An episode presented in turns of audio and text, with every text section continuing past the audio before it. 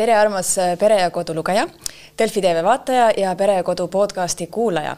Äh, nüüd on siis selline ajalooline hetk, et algab Pere ja Kodu esimene video podcast lihtsalt podcast'e me oleme siis juba ammu teinud, aga see on siis esimene pildiga podcast ja mul on väga hea meel, et selle puhul on siis mulle külla tulnud kaks väga ägedat naist, kes on üksiti ka emad. Piret Järvis ja Karin Rask. tere. tere alustame siis kõigepealt sellest, et äh, kui vanad teie lapsed on, äh, mis nende nimed on? Äh, minul on kolm last. Hugo on neliteist, Natali on üksteist ja Stig on aasta ja kaheksa kuud mm. -hmm. ja minul on väike Milli, kes on viis ja pool kuud okei okay,, see on väga lahe, et teil on nagu nii äh, erinev kogemus või nii erinev äh, koht või see jah, see koht, kus te parasjagu elus olete. nii et äh, te vaatate väga erinevalt siis nendele lausetele, mis ma olen siis endale välja kirjutanud, et nimelt me küsisime oma lugejatelt Facebookis, millised müüdid, emadusega seotud müüdid on siis nagu ajale jalgu jäänud või siis mis isegi võivad mingitel hetkedel olla destruktiivsed emade jaoks ja me võiks siis nende üle natukene arutleda.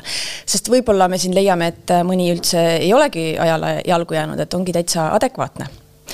no esimene müüt, mida siis toodi mitu korda siis seal välja meie lugejate poolt, on siis selline äh, sõna, liitsõna nagu lapsehoolduspuhkus. et, et see ei ole puhkus. Äh, mis, kuidas teie tunnete? Me tegelikult juba enne natuke hakkasime rääkima, Karin, räägi sina kõigepealt siis, kuna sina oled siis nüüd äh, kolm korda olnud ju lapsehoolduspuhkusel, et äh, kuidas sa, kuidas sa seda kogesid, kas see oli puhkus? Noh, eks ta on äh, selles mõttes ähm, kahtepidi saab vaadata, et noh, loomulikult ta ei ole selline puhkus, et äh, tõused, magad kaheteistkümneni, teed väikse kohvi, siis loed raamatut, siis käid, jalutad metsas ja vaatad merd ja lähed koju tagasi ja õh, vaatad Netflixist midagi. no neid asju ei tee või siis teed koos titaga. Ähm, aga selles mõttes ta võib-olla tõesti on puhkus, et nagu meil juba vestlustring siin ennem algas, et ähm see on tegelikult tore või hea või vajalik võimalus ähm, tulla korraks ähm, sellelt rattalt maha või vähemalt minu jaoks oli. et äh, käid koolis ära, siis lähed ülikooli, siis lähed tööle, kõik nagu läheb ja kogu aeg sa midagi hullut rapsid ja sahmid teha. ja siis korraga oled sa täiesti teises kohas, kõik muutub su elus, prioriteedid muutuvad.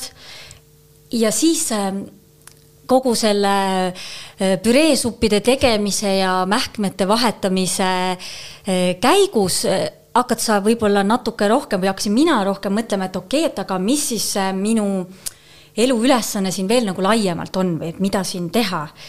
Ehm, et kas, kas ma lähen pärast tööle tagasi või ma ei lähe või, või vahet või, või et mis on see minu jaoks minu kutsumus ja ma jõudsin tegelikult selleni, et jah, näitleja ma tahan olla, aga ma tahan hakata vabakutseliseks ehk tulla töölt ära ja lisaks sellele teha äh, veel mingit loomingulist tööd, mis ei oleks seotud näitlemisega.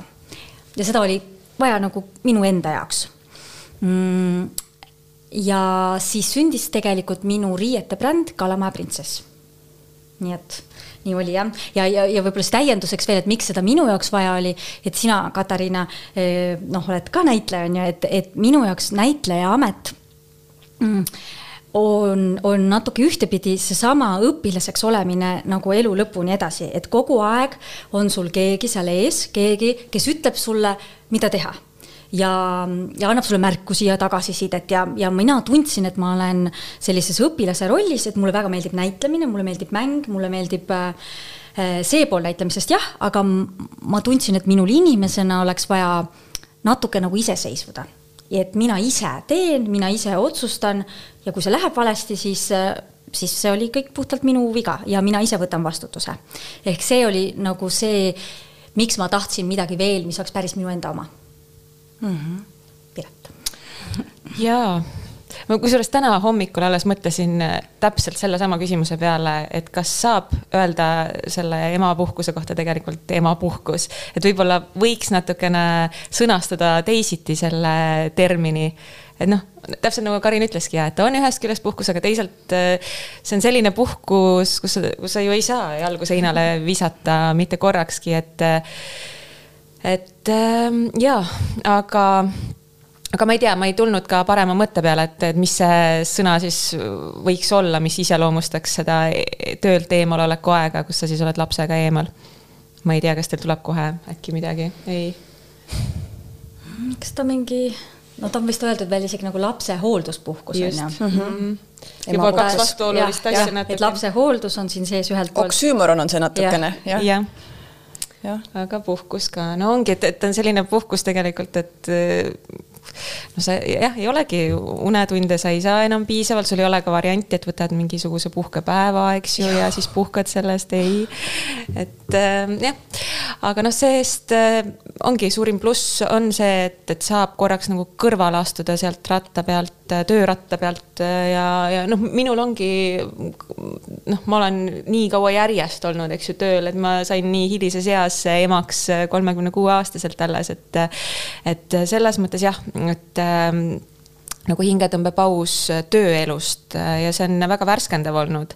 et ähm, jah, juba on läinud nagu mõte kuidagi teistmoodi liikvele, et äh, just nimelt samamoodi noh, nagu Karinile, et, et et võib-olla nagu ei ole see rada, kus sa oled seni nagu astunud see ainus rada su elus, et äkki on veel midagi, et noh, isegi võib-olla kui lapsehoolduspuhkuse tagajärjel ei lähe nii, et ma liigun oma seniselt rajalt eemale, aga vähemalt neid mõtteid mõlgutada. et äkki võiks midagi veel katsetada elus, midagi teistsugust, et neid mõtteid on minu arust päris värskendav mõelda mm. -hmm sest et kui sa korra nagu mõtled midagi muud, isegi kui sa jõuad tagasi selleni, mis sa teed, sa ja. nagu jõuad mingi uue värskusega just, just mm -hmm. ja ma ootan ka seda hästi suure nagu elevusega, et, et tekiks jälle nälg nagu selle töö vastu, mis mm -hmm. ma mhm. seni olen teinud, et noh, mingil määral on ikkagi tekkinud nende aastate jooksul rutiin. ja olgugi, et mul on väga põnev töö te televisioonis, aga aga ikkagi noh, ka, ka põneva asjaga üks hetk tekib see rutiin mm -hmm. ja ja ma ootan ja ma usun ka, et mul tegelikult tekib jälle nälg, selline nagu suur-suur himu oma, oma tööd teha, et see võiks olla nagu ka üks, üks lahendus. aga praegu sa naudid kodus olemist või? naudin väga ja, et aga mm, see on väsitav ka mm, kõige selle juures, et ei saa öelda, et, et on ainult lust ja lillepidu, aga noh, iga ema teab seda, et et jah, et lapsega on tore, aga aga noh, et kui tekivad need unetud ööd ja, ja teinekord ei mõista, mida laps sulle oma nutuga öelda tahab. et eh, jah, et siis kõik võib olla nii füüsiliselt kui ka vaimselt eh, lõpuks kurnav. jah, mina jätsin alguses ütlema, et minul on ju ka kaks last. Eh, mul on kaheteistaastane Rudolf ja nelja-aastane Joonas ja ma ikkagi, mina ütleks, äh, täiendaks seda mõtet siin või teie mõttearendusi, et äh, esimese lapsega ma jäin äh, siis koduseks nagu ülikooli kõrvalt, ma olin siis kahekümne kolme aastane.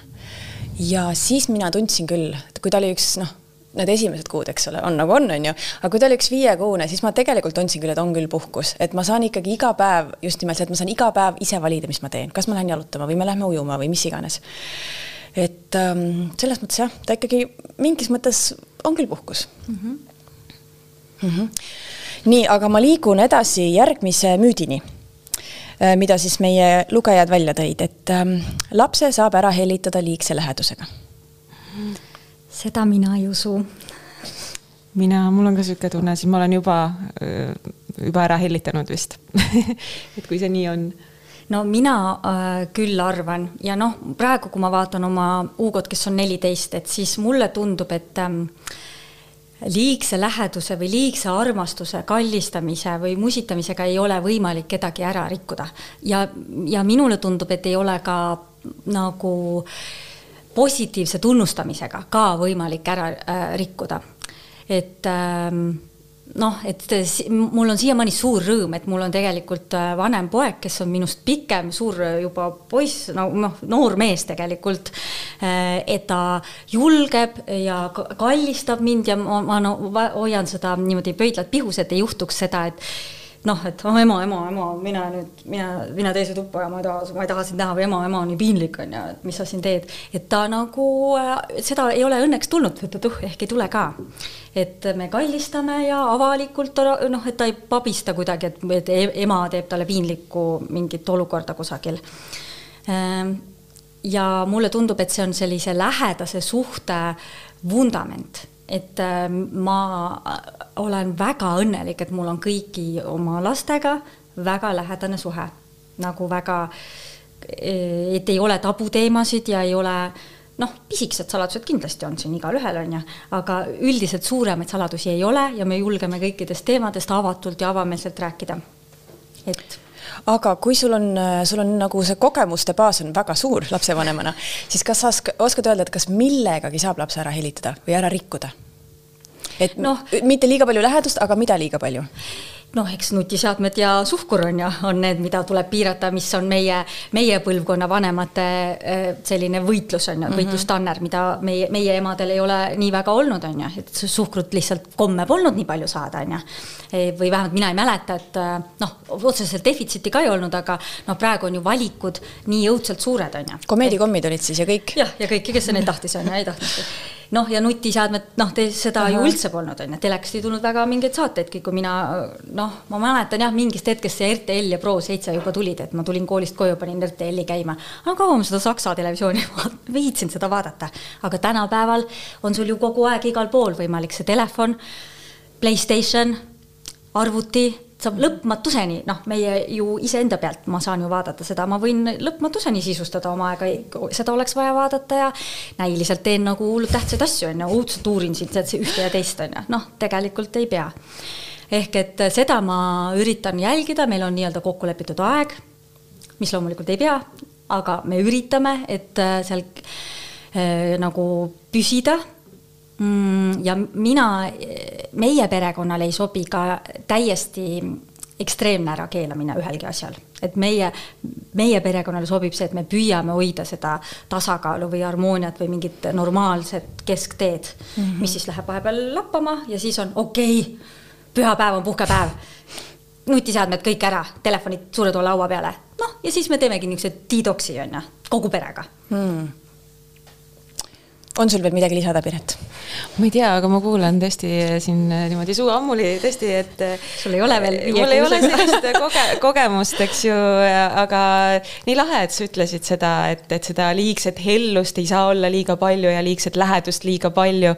et, et noh see on minu arust nagu julgustav, sest jah, et ongi teiselt poolt tulevad need signaalid, et no mis siin ikka hellitada ja sussutada ja kussutada liiga palju, et ikkagi noh, laps, lapsele peab teatav sihuke mm -hmm. iseseisvus ka jääma ja, ja jah, et muidu läheb liiga pehmoks ära, on ju, aga mm, kui, kui siin on, eks ju, elust enesest näide, et, et, et see ei riku inimest, siis seda on väga-väga hea kuulda no eks ma arvan, iga pere on ju erinev, iga pere reeglid on erinevad, et mina saan öelda ainult, et meile see niimoodi sobib mm -hmm. ja siiamaani vähemalt mulle tundub, et meile, meie, meile on see olnud õige tee et mm -hmm. mina ütleks küll, et kõik minu kolm last on ikkagi esimesed aastad minu küljest rippunud nagu väiksed koalapärdikud põhimõtteliselt mm. -hmm. ja nii ongi ja et minu, meil, minu lapsed ei ole sellised, mida ma olen kuulnud, et kuskil nad magavad eraldi tubades ja lähevad ise kell seitse magama ja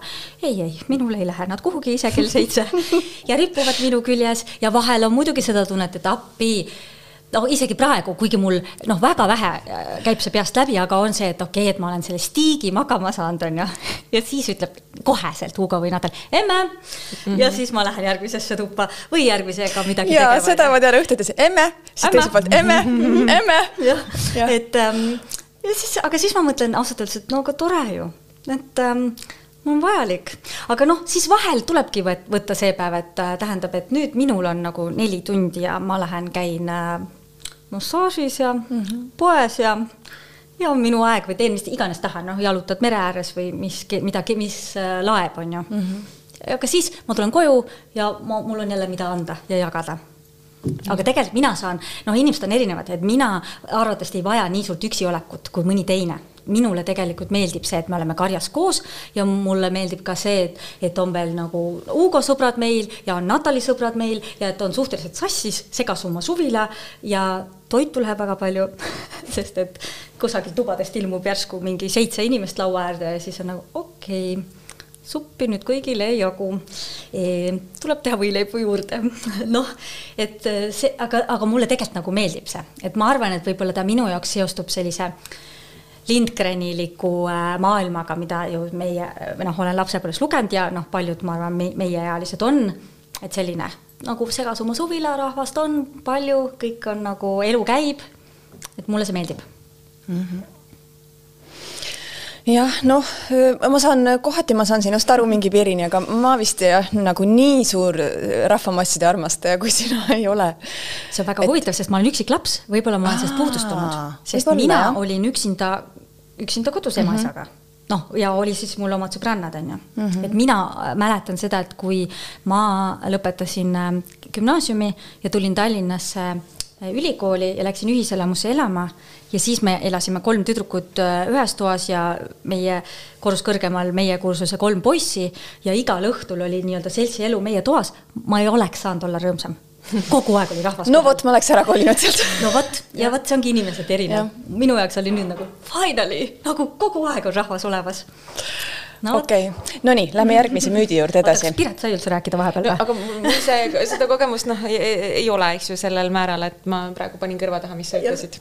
ta natukene ja. ütles alguses, et tema, tema laps saab ikka väga palju. no ongi, et, et ma jah, olen väga suur nunnutaja, et mm -hmm. Eks siis näis, ma loodan, et läheb samamoodi nagu Karinil on läinud, et. Äh, nii vot see ongi nüüd natukene siin nüüd äh, teema läheb edasi, et sa ütlesid, Karin, et, et vahepeal saad nagu ära minna ja oma aega siis võtta. ma siis eeldan, et oma aega sa saad võtta tänu sellele, et sa jätad lapsed isaga. Äh, järgmine müüt ongi siis emad saavad lastega loomu poolest paremini hakkama kui isad. ei. Ähm, mina oma näitest võin öelda küll, et saame mõlemad sama hästi ma tahaks loota, et hästi, aga kui ma vaatan oma abikaasat, siis minu arust noh, ma isegi tahaks öelda, et ta on kuidagi nagu ägedam ja parem kui mina lapsevanemana, ma ei tea, kuigi ma arvan, tema hakkaks kohe vastu vaidlema, ei, ei, ikka ei ole nii, aga aga mulle tundub, et on olemas ka väga lahedaid isasid ja, ja noh, jällegi lapsel ju on, on sedavõrra, selle, selle võrra noh ma arvan, mõnusam, kui tal on mõlema vanemaga hea klapp ja sihuke tugev klapp mm. -hmm ma nõustun sada protsenti. ehk meie peres on ka niimoodi, et kindlasti ei ole nii, et mina oleks kuidagi parem, ma arvan, et me oleme natuke erinevad, kasutame mingeid erinevaid lähen-, lähenemisviise mm, -hmm. aga isegi mitte väga. aga kas see on nagu soopõhine või see on lihtsalt nagu iseloomust tulenev, et ma arvan, et iseloomust pigem tulenev jaa, kindlasti niimoodi. noh, ainuke asi, mida isa teha ei saa, rinda ei saa anda, noh ja see ongi, see ongi see, et seda ta ei saa teha äh, aga kõiki muid asju saab väga ilusasti teha mm. -hmm. jah, ma mingites kohtades isegi näen, et Egert on nagu osavam, no oligi just konkreetselt nüüd siin tund aega tagasi, enne kui hakkasime linna poole liikuma, jätsime siis lapse minu vanemate hoolde ja tal oli täna selline natukene nutusem päev ja, ja siis noh, oligi, läks nutt lahti võib-olla see väike ärevus seal ka, et meie seal, eks ju, kiirustasime natukene ja, ja siis ta nägi, et vanavanemad tulid uksest sisse, järsku oli seal, eks ju, jube palju sagimist. ja siis ta hakkas nutma jälle ja siis äh, korraks võtsin mina nagu ta enda sülle ja püüdsin teda maha rahustada ja siis nagu ei õnnestunud, siis tuli Egert, siis hakkas seal temaga mingit nalja tegema. Läks, ma ei tea, mingi kakskümmend sekundit oli korras, et noh, et tal on mingisugused võluvõimed, mida mul ei ole, et äh, jah, vähemalt siis meie peres on küll täiesti võrdne, ma arvan mm. -hmm. kummaline mul just sõbrannadega mm, Facebooki chatis tuli sama teema arutluseks ja siis nad äh, ütlesid ikkagi, mitmed neist ütlesid, et, et, et need isad ikkagi on kohati kasutud, et nad ikkagi, need, üks asi oli see, et nad ikka ei saa last magama korralikult et.... noh, see sõltub ka tõenäoliselt mm,, aga noh, ma pean ütlema, et ähm, meie oma kolmandat last ei saa nagu üldse magama.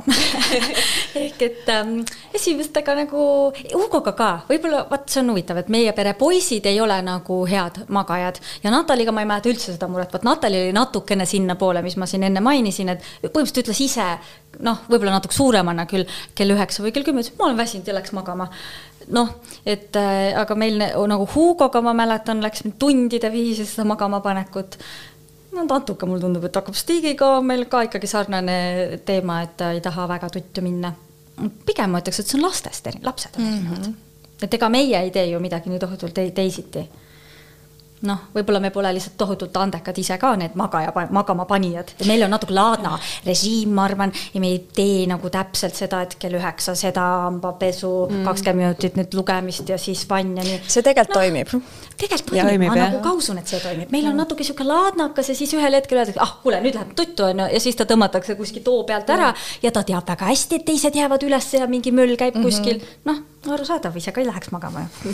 aga see on nii kummaline, ma ikka vahel mõtlen seda, mul on niimoodi, et ma last seda nelja-aastast üle, hommikul üles ajan, isegi kui tal on nagu magus uni pooleli, ta ärkab nii rõõmsalt, et jess, ei pea enam magama, saab ärgata. et kõige, noh, kaks kõige hirmsamat asja tema jaoks üldse, mida peab tegema, on söömine ja magamine. ja see on nagu kummaline, et täiskasvanutel on noh, need ikkagi nagu parimad asjad üldse mm. -hmm. Yeah ja kusjuures mul tuleb täiesti endale veel kangastub või väga hästi tuleb meelde oma isiklikust lapsepõlvest see, et mulle ka ei meeldinud, noh, täpselt see magama minek, eriti lasteaias, kus nagu sunniti väevõimuga minema magama üldse ei tahtnud, et see oligi mhm. kõige vastikum osa üldse päevast, eks ju, see lõunauni praegu, oi, kuidas naudiks mm. -hmm. no ja. küll jah. nii, aga ma võtan ette järgmise müüdi. avalikus kohas imetamine on ebaviisakas no jälle ei nõustu, sest mina olen kõiki oma titasid äh, avalikus kohas imetanud või noh, igal pool imetanud ikkagi kaua äh, noh, peab ütlema, et Stigike saab ikka veel rinda. Äh, ja noh, ta on juba ikkagi suur poiss ja jookseb ringi. no mina arvan, et see on ju lastele kasulik ja vajalik ja ma teen seda diskreetselt, aga ma ei lähe isegi näiteks restorani lauast kuhugi vetsu ära, aga ma panen midagi peale, et ma ei tee seda ka demonstratiivselt tohutult äh, niimoodi jõuliselt, et vaadake nüüd kõik, vaid ma niimoodi natuke lähen tooli sügavusse ja mul tavaliselt mingi sall või kampsun või, et enamasti ei saada arugi, mida me seal teeme. Mm.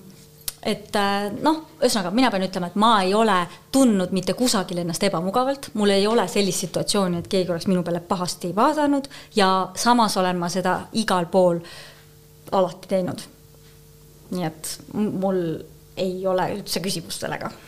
kuidas sina tunned, Piret? mul on äh, see siis emaks olemine sattunud sellisesse veidrasse aega, eks ju, et need viis kuud, need viis kuud, kus ma olen äh, ema saanud olla, et äh, jah, et väga vähe on olnud seda võimalust kuskil väga avalikus kohas käia, aga mm, noh ma ei tea, ma arvan, et see hetk, kui sa siis lõpuks emaks saad, siis, siis sa saad aru sellest, et alati ei ole võimalik jah, kuhugi nurga taha peitu minna, eks ju mm, -hmm. et mhm. lihtsalt see on palju praktilisem, kui sa seal avalikus kohas ikkagi äh, selle toitmise ära teed, et siinkohal tuleb olla mõist-, mõistev.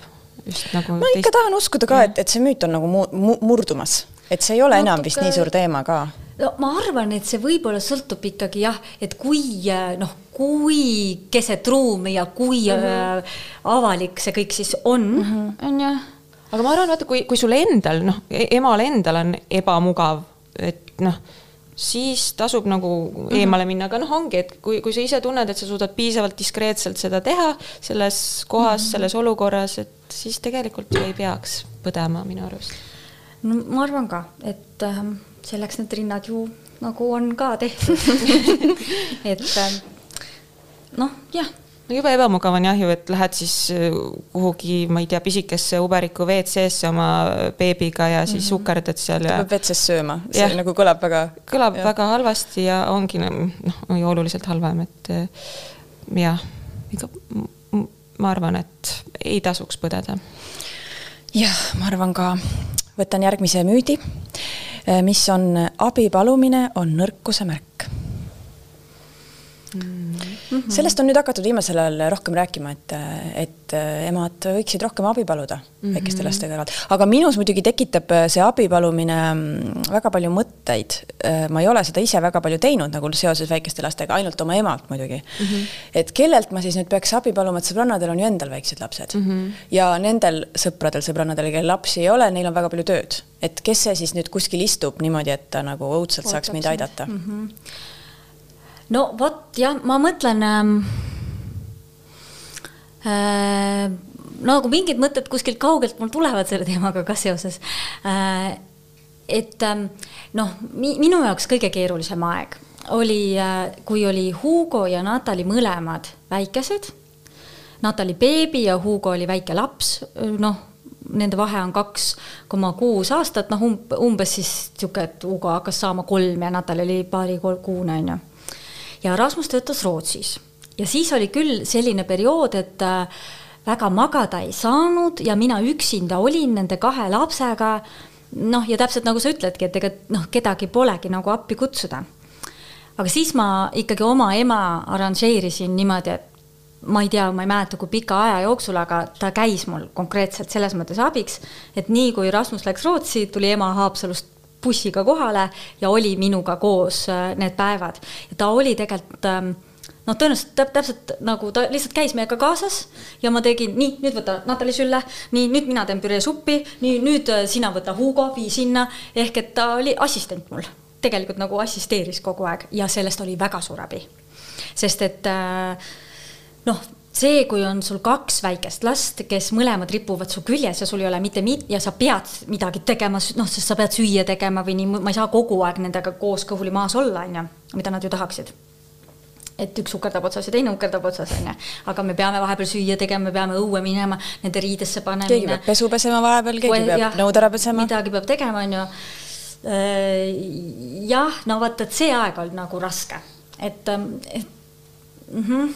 noh, ja tõenäoliselt ma läbi udu mäletan ka, et äh, kuigi Hugoga kodus olemist ma väga nautisin, kui ta üksinda oli, tähendab, kui Natalit veel polnud sündinud, ma mõtlen tagasi sinna, kui Hugo oli sündinud, ma, et ma õudselt nautisin, aga kuna see üleminek sellelt, et äh, sul ei ole lapsi sa vastutad ainult iseenda eest ja teed kõike seda, mida sa tahad.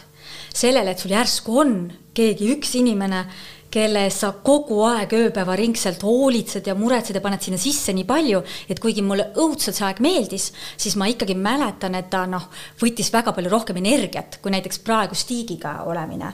et ma põhimõtteliselt ju tean laias laastus, kuidas asjad käivad noh, pluss mul ongi praegu ka rohkem abilisi, sest Hugo ja Natali on nii suured, et nad on ka enamasti mul kodus võtta. et täpselt kasvõi selleks samaks hetkeks, et kuule, ma lähen käin, teen selle asja ära.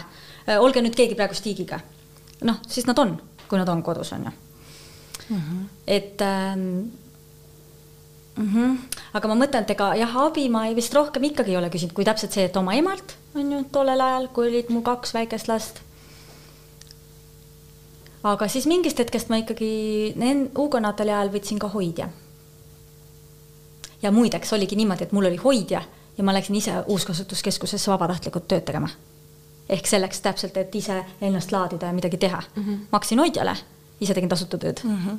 no mina, ma ütlen vahele, et mul teise lapse puhul ma võtsin ka üsna varakult hoidja, üks äh, hästi tore pooleaastaselt, oi, tegelikult oli varem isegi, ta oli ikka mõnekuune, siis meil hakkasid padjaklubi võtted ja hoidja käis alguses kaasas, et ta oli niiviisi kõrvaltoas lapsega mm. -hmm. ja siis mingi hetk hakkas jääma ka üksi hoidjaga ja siis oli ka nii, et ma tundsin, et see ei olnud mul niivõrd nagu rahaliselt, et ma nüüd tohutu palju mhm. teenin ja siis mhm. hoidjale maksan hästi vähe, vaid see oli ikkagi nagu rohkem kasu oli see, et ma sain nagu mhm. midagi teha ja sain väljas käia ja mm -hmm. jah. aga kuidas, Piret, sina tunned äh, abi palumise koha pealt? Mm, jah, ma, mul samamoodi, no nüüd oligi, eks ju, üks olukord, äh, kui sa siia podcast'i külla kutsusid, on ju et kuna me ei ole veel hoidjat endale leidnud, et siis ongi ainus variant vanemaid kutsuda. et alati nagu natuke on paha tunne küll, et noh mm, kuigi ei peaks olema, mulle tundub, et see on nagu sihuke võlts. Ja vot see, seda müüti mul siin kirjas see pole, aga. aga see võib-olla ongi see, et see, et julge ja, abi paluda, ongi see, see tunne, mis. natuke süütunne jah, et ja. sa nagu paned teised inimesed kuidagi tanki. Kusjuures mul oli hoidjaga sarnane tunne natukene, et mina siis nüüd lähen nagu lõbutsema, tegelikult ma olen tööl ja, ja, ja tema siis nüüd jääb mu last hoidma. Mm. -hmm, et äh, jah aga samas sa, ma tean, et mu vanematele väga meeldib äh, lapsega olla ja nad tahavad seda, et siis ma noh, lohutangi ennast selle mõttega, et nad, neile meeldib see. et vähemalt nad nii ütlevad. on see tegelikult hea ka. jah ja., see on väga kasulik. on temal neid mm -hmm. turvainimesi mm, -hmm. kui need on tema vanavanemad, mis saaks toredam olla. jah, tegelikult küll. ja see on see sideme kasvatamine algusest mm -hmm. peale. jah, ühesõnaga kõiki kuulajaid-vaatajaid siis julgustame hoidjaid või abi küsima vanavanematelt. või vanavanemad. no tänapäeva vanavanemad on ju äh, muidugi väga aktiivsed, on ju mm. -hmm. no tööl, joogalaagris, diskol uh, -huh. ma ei tea, kus on. jah. Mhm. jah. nii, aga siin on mul üks selline müüt nagu vanasti lapsed ei jonninud vot see vanasti on muidugi, selle sõnaga algab väga palju igasuguseid lauseid, mida igasugused vanaemad, no, no kusjuures isegi mina olen seda kuulnud, et sinu vanusena käisin mina juba karjas mm. -hmm. et, et see on üks asi, mida, mida ikkagi noh, kuigi ütleme, et vaata, see on väga huvitav, sest mina pigem olen kuulnud just vanema põlvkonna inimeste käest seda, et lapsed jonnivad. Äh, aga minu seisukoht on see, et laps üldse mitte kunagi ei jonnigi niisugust asja nagu jonniv laps ei olegi tegelikult olemas, tal on midagi viga, tal on probleem, tal on kõht tühi, ta on väsinud äh, ta, mina mõtlen alati niimoodi, et okei okay,, ta nutab, tal on nagu pahasti, mis tal, mis tal on, kas tal tulevad hambad, kas ta, kas ta söönud on korralikult, äh, kuidas ta maganud on äh, nagu ja ta võib küll nii-öelda jonnida nagu praegu selle peale, et on midagi saanud, on ju mm, -hmm. aga ma mõtlen kogu aeg, et see ei ole üldse see põhjus tegelikult, tal no on jah, midagi muud viga. sest ma küll, mul nagu kulm läks kogu aeg kortsu, ma tahaks kohe nagu vaielda, sest et mingi hetkeni muidugi ta ei jonni, tal on konkreetselt probleem. aga no see kolmeaastane näiteks, kes viskab poes pikali, ta tahab üllatusmuna aga sa, see on võib-olla õige, et tal on seal taga mingi. situatsiooni olnudki väga, aga tead, sest ma mingi periood, ma ei käi lastega poes ähm, ma ei pane neid vist niisugusesse situatsiooni jaa, muidugi jah, võib-olla mm, -hmm. sest muidugi ka on see, et mille, millest, mida ma olen õppinud, et äh, ei ole, et sa pead ikkagi käigud saama tehtud nii, et sa võtad ta lasteaiast ja lähed otse koju, et seda mm -hmm. varianti tegelikult ei tohiks olla, et sa lasteaiast lähed poodi mm, -hmm. sest ta on nii väsinud selleks ajaks. ta on nii väsinud. jah, ja siis hakkab küll see mm -hmm. üllatusmunade tahtmine mm. -hmm. no et mul ei ole väga sellist, äh, ühesõnaga mul ei ole väga kogemust nii-öelda või tähendab, mul tõenäoliselt on olnud kindlasti neid hetki, aga praegugi mul Steve viskab ka praegu kõhuli maha, aga noh pikemalt see kõik, ausalt me kõik naerame nagu väga naljakas, väike inimene, sul on mingid oma mõtted peas ja miks sa siin kuuli oled, väga naljakas. et um, ja noh, ja tegelikult ega temal ongi siis midagi, et noh, tema on ju kindlasti veel selles vanuses, et tal on äh, noh, ta on siis väsinud noh, tegelikult. või ei ole ta täna tegelikult korralikult söönud. hakkame mõtlema, et okei okay,, hommikul näksis natukene, noh, lõunasöögi ka vist väga ei söönud, on ju, siis tulebki välja, et tegelikult ta pole söönud täna, teeme talle mingi toidu nüüd, normaalse mm jah, nälg on küll ilmselt see palju mm. -hmm. aga kas te olete kuulnud äh, veel mingisuguseid vanasti, vanasti ei olnud nii ja vanasti ja oi, see on ikka valesti ja? minu vana, enda vanaema just äh, ja, ja ka isa äh, rääkisid hiljuti, noh, et me vanasti ka jätsime lapsed tead imiku üksi ja noh, läksime ise kuhugi tööle või andsime talle, ma ei tea, mingisuguse marli sees leiva kätte, siis ta lutsis seda seal üksi kodus ja ja läks väga lihtsasti, eks ju, see eemalolek. aga noh, nad samas nentisid, et jah, aga praegu mõtlen, et vist pida-, poleks ikkagi pidanud nii tegema, et ikkagi natukene ohtlik, eks ju, niimoodi sellist äh, titte üksinda jätta, eks ju. et äh, noh, selles mõttes jah, nad, nad nagu nentisid, et see pigem see vanasti tegemine, võib-olla see oli nagu ikkagi liiga julge aga, aga seda vastupidi varianti, et noh, et vanasti oli nagu paremini. mul praegu mm. ei meenu näidet. mm -hmm.. nojah, no aga ma võtan siis ette järgmise müüdi. kodused emad on vähem intelligentsemad kui tööl käivad emad et justkui siis selle otsusega, et ma olen siis hakkan siis, jään ainult lastega koduseks, selle otsuse taga on siis ilmselt ema, kes siis äh, on vähem intelligentsem. kellel ei ole siis ka väga midagi tööturul pakkuda. Mm.. no ma jälle ei nõustu sellega muidugi tegelikult, aga noh, ja vaata, see on, see on nii äh, intiimne asi minu arust, et see on iga ema ja iga lapse omavaheline suhe.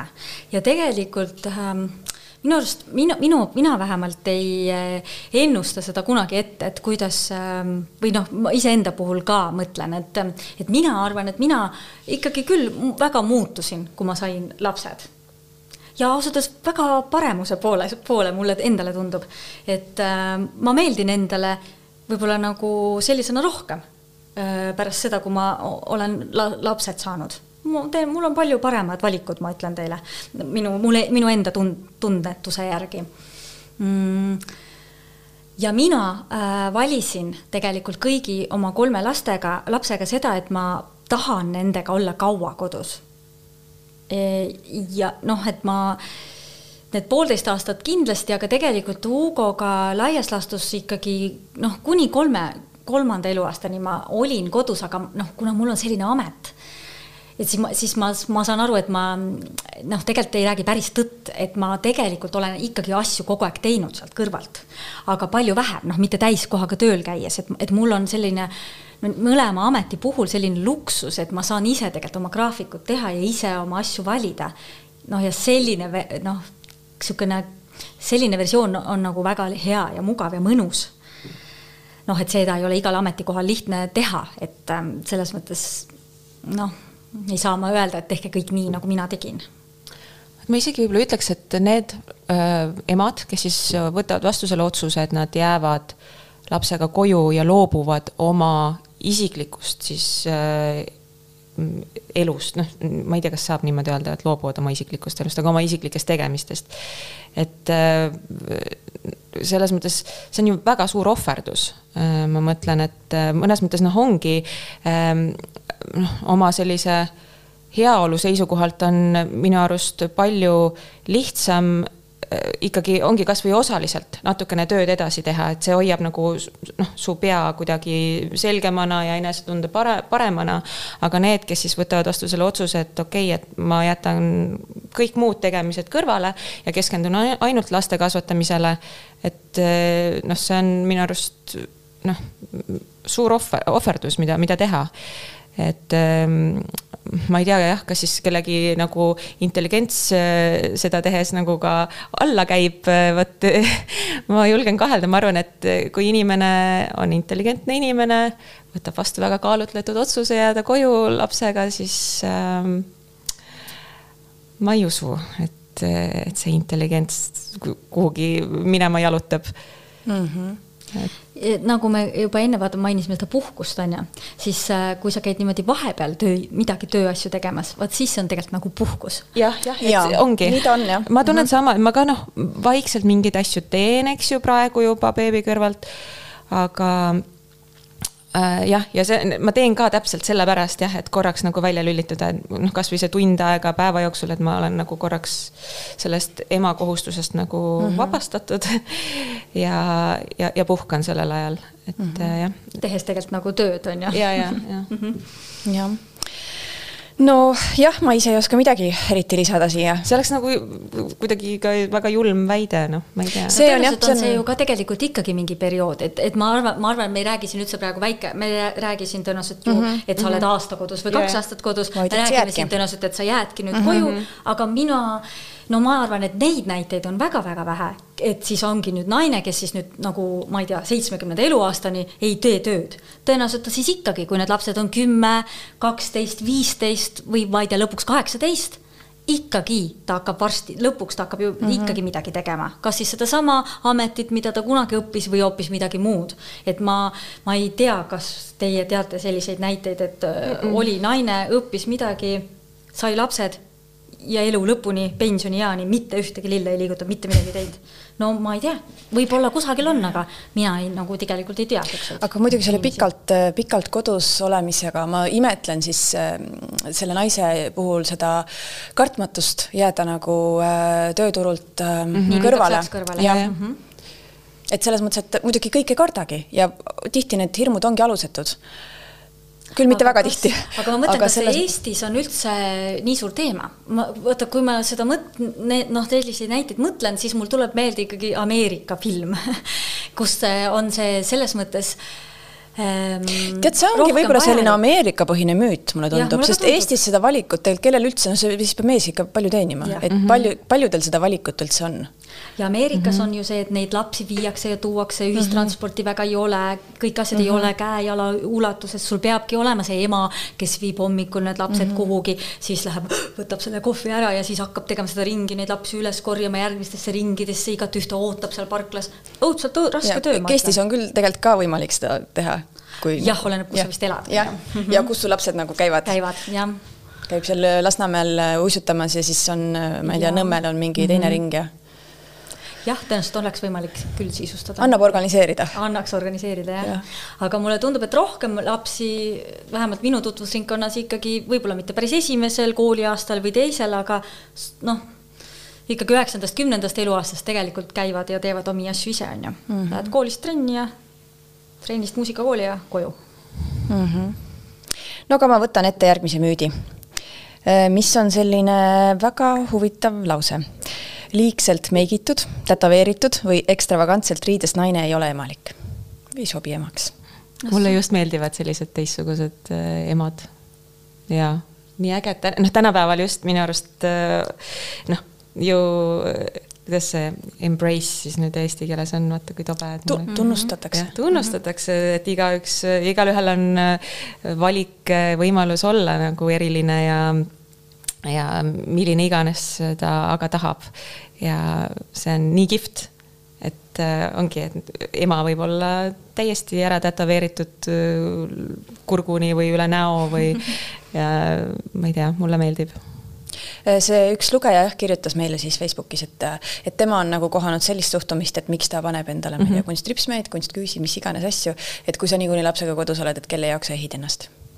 aga ema peab ennast hästi tundma. ma arvan ka õnnelik ema, siis, siis laps ka õnnelik mm. -hmm. laps ja mees ja kõik no, on õnnelikud. mulle endal meenub selle, selle müüdiga üks lugu, minu vanema lapse lasteaias oli üks õpetaja, kellega tekkis, tekkis seal väikseid mingeid, mingeid probleeme seal või tekkis ma ei mäleta, mis need muud asjad täpselt oli, aga ühel lapsevanemal tegelikult oli talle etteheide, et et tal on kontsakingad ja pikad küüned ja see oli küll minu jaoks see koht, kus ma nagu korra hingasin sisse-välja, et et mis siis nagu, mis, et mida me siis nagu sealt õpetajalt ootame, et ma ikkagi ootaks sealt mingeid teisi, mingid teised asjad on nagu olulisemad, et, et kui see, kuidas ta riides käib, et, et ehk võib siiski ise valida, mida ta jalga paneb või kui pikad ta küüned on.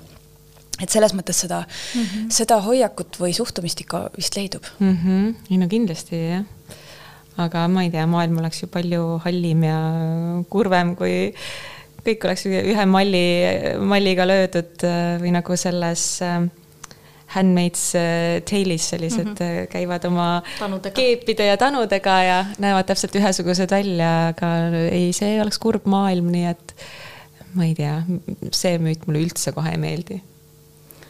Ja Eh, ma ütlen siia teemasse ühe oma mm, asja, aga see nüüd natukene tegelikult läheb teemast välja, lihtsalt kui sa ütlesid seda, siis mul tuli nagu pähe, et mm, et välimuse osas mul ei ole kunagi olnud ei enda ega kellegi teise osas mingeid mõtteid, aga mina tegin ühe sellise otsuse, mm, no ja ta natuke nagu haakub lihtsalt selle teemaga, et eh, sellest hetkest, kui ma sain Hugo ehk siis praktiliselt siis ütleme nüüd viisteist aastat, e, ei ole mina joonud alkoholi üldse.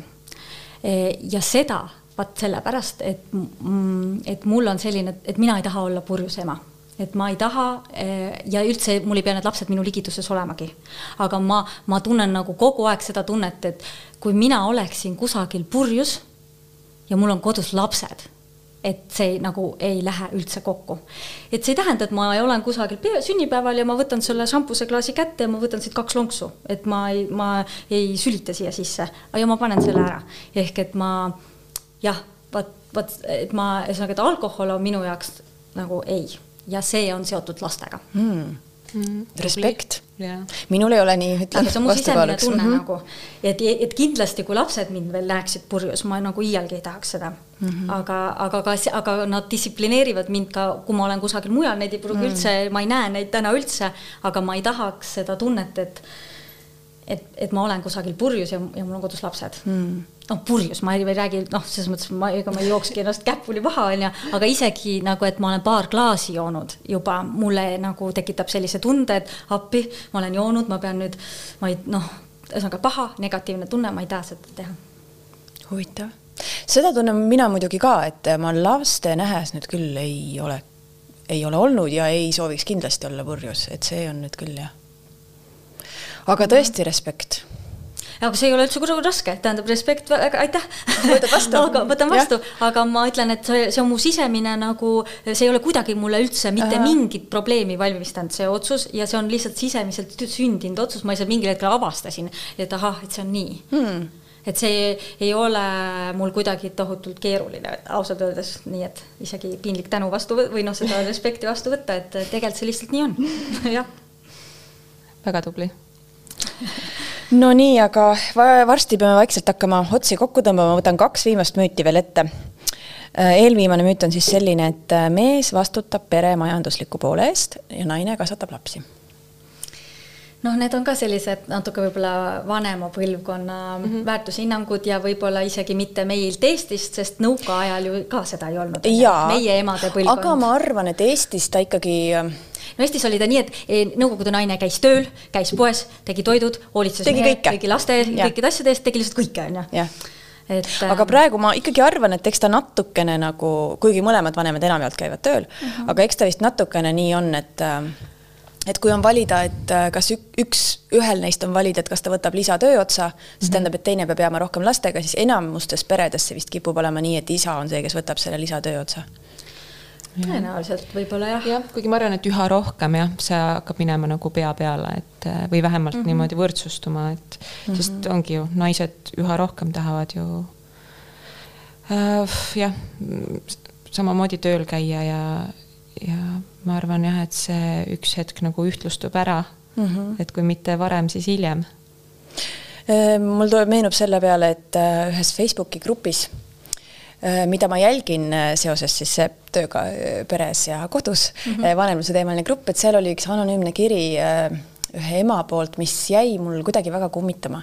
et see ema kirjutaski, et tema, tal on siis kolme ja viieaastane laps ja tema on siis olnud nendega siiamaani kodune, aga nüüd ta siis üritas täiskohaga tööle minna, aga saab aru, et see ei ole kuidagi võimalik, sest et täiskohaga töö tähendab seda, et isa peab ka mingil määral siis nagu õhtuti lapsi võtma, nendega tegelema, et aga isa jaoks on see raske, et kuna ta ei ole ju noh, selles mõttes viis aastat nendega väga palju tegelenud, et siis ikkagi ainus nagu lahendus oleks see, et tema jääkski täielikult koduseks ja isa sest isa sissetulek, Eestis on palgalõhe mm, -hmm. isa sissetulek on nii palju suurem, et mõistlikum oleks seda korraldada niipidi.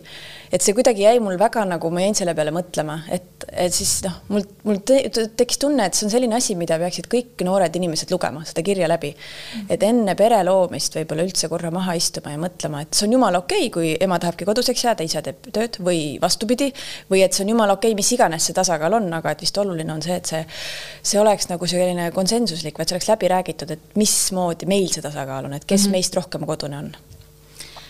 no meie perele sobib äh, täpselt tasakaal, et on mingeid perioode, kui mina tegelen rohkem, on mingeid perioode, kui Rasmus tegeleb rohkem äh, meile kindlasti ei sobiks see, kui koormus oleks ühe peal äh, ebavõrdselt kaua, ebavõrdselt palju rohkem noh, et ideaalses maailmas me veel leiaksime seda kahekesti aega ka rohkem, noh, et nüüd vahepeal, kui oli Stigi veel polnud, Hugo, Natalja elasid juba nagu, olid suuremad, on ju, noh, siis võib-olla seda kahekesi aega oli muidugi rohkem, et nüüd me võib-olla mõtleme noh, ka, et peaks vahepeal midagi kahekesti ka tegema, aga kuna on koroona, kuhugi minna niikuinii pole, et siis noh, mis, kuhu me siis lähme, siis ei, ei väga ei oleks seda kahekesi aega, on ju. aga mm, noh, äh, minule tundub, et, ähm, et kui see koormus la, pere ja laste osas on ka meestel, siis tegelikult see ühisosa kogu selle pere toimimisel on nagu kuidagi suurem või et mm, et see on nagu äh, noh, vaat isa peab ise ka väga taht-, noh, tahtma, on ju, mhm. ja peab oskama ennast välja lülitada, on ju, et tulles mm -hmm. koju, ei vastagi enam nendele töökonnadele. see on võib-olla talle kasulik ka, kui ta seda muidugi. nagu, see on tervisele kasulikum, jah. jah, et see on temale endale kasulikum, tervisele mm -hmm. kasulikum, lastega suhetele kasulikum, sest tegelikult ega ju äh, isad tahavad samamoodi oma lastega väga hästi läbi saada ja nendega ühist aega veeta, kui seda aega lihtsalt on väga vähe, siis võib tekkida see olukord, et väga ei oskagi nagu midagi teha, on ju, nagu sinu selles kirjas. et kui ta nüüd läheb neid näiteks sealt lasteaiast võtma, siis see tundub talle väga keeruline või mida ta siis nendega veel teeb ja mm -hmm. noh, et ema jaoks, kes on kogu aeg olnud, siis tema jaoks see on nagu hambapesu, on ju, ta ei mõtlegi, ta läheb, võtab need lapsed ja teeb mida iganes vaja hetkel teha on, on ju. et vaat seda olukorda ei olekski, siis tuleks see isa tegelikult juba kohe kaasata, on ju. Mhm. kõige toredam, kui isa ise tahab ennast mm -hmm. kaasata, kui noh, ta ei, võib-olla ei oska, siis ma ei tea, koos kuidagi mõelda, kuidas tema siis rohkem on. et meie siis nagu soovitussõnad on, et kaasakem isasid. jaa, see on, ma arvan, väga hea küll. mõte mm. -hmm. Mm -hmm. no aga siis ma võtangi ette viimase, tänase vestluse viimase müüdi, eh, mis on siis eh, selline, et lasteta naine on ühiskondlikult kasutu ja tema elu on mõttetu. jumal mm,.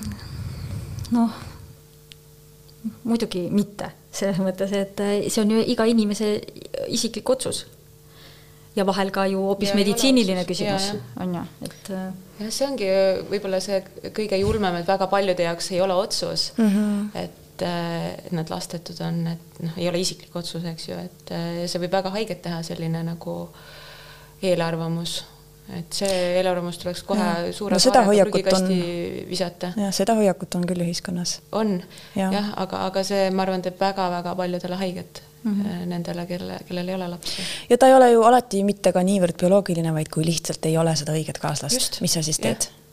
ma olen, ma olen ka seda meelt jah, et mm -hmm. et ei tasu ju, nojah, et paljude jaoks on eesmärk ikkagi just see nagu pere loomine, mitte lihtsalt, eks ju, lapse saamine, et ja, ja ongi, et kui prints ei ole saabunud, siis võib-olla ei olegi mõtet punnitada, kuigi hästi huvitav dok oli paar aastat tagasi vist ETV kahe peal või kus mis siis rääkis sellest, kuidas Rootsis on hästi palju või, või no üha rohkem neid naisi, eks ju, kes siis polegi leidnud õiget kaaslast mingiks hetkeks oma eludes ja, ja on üha populaarsem see, et siis kasutatakse spermapanga abi ja siis saadaksegi üksinda emaks ja eelistataksegi seda, et et nagu üksi see retk ette võtta täiesti siis jah, tundmatu äh, isa abil.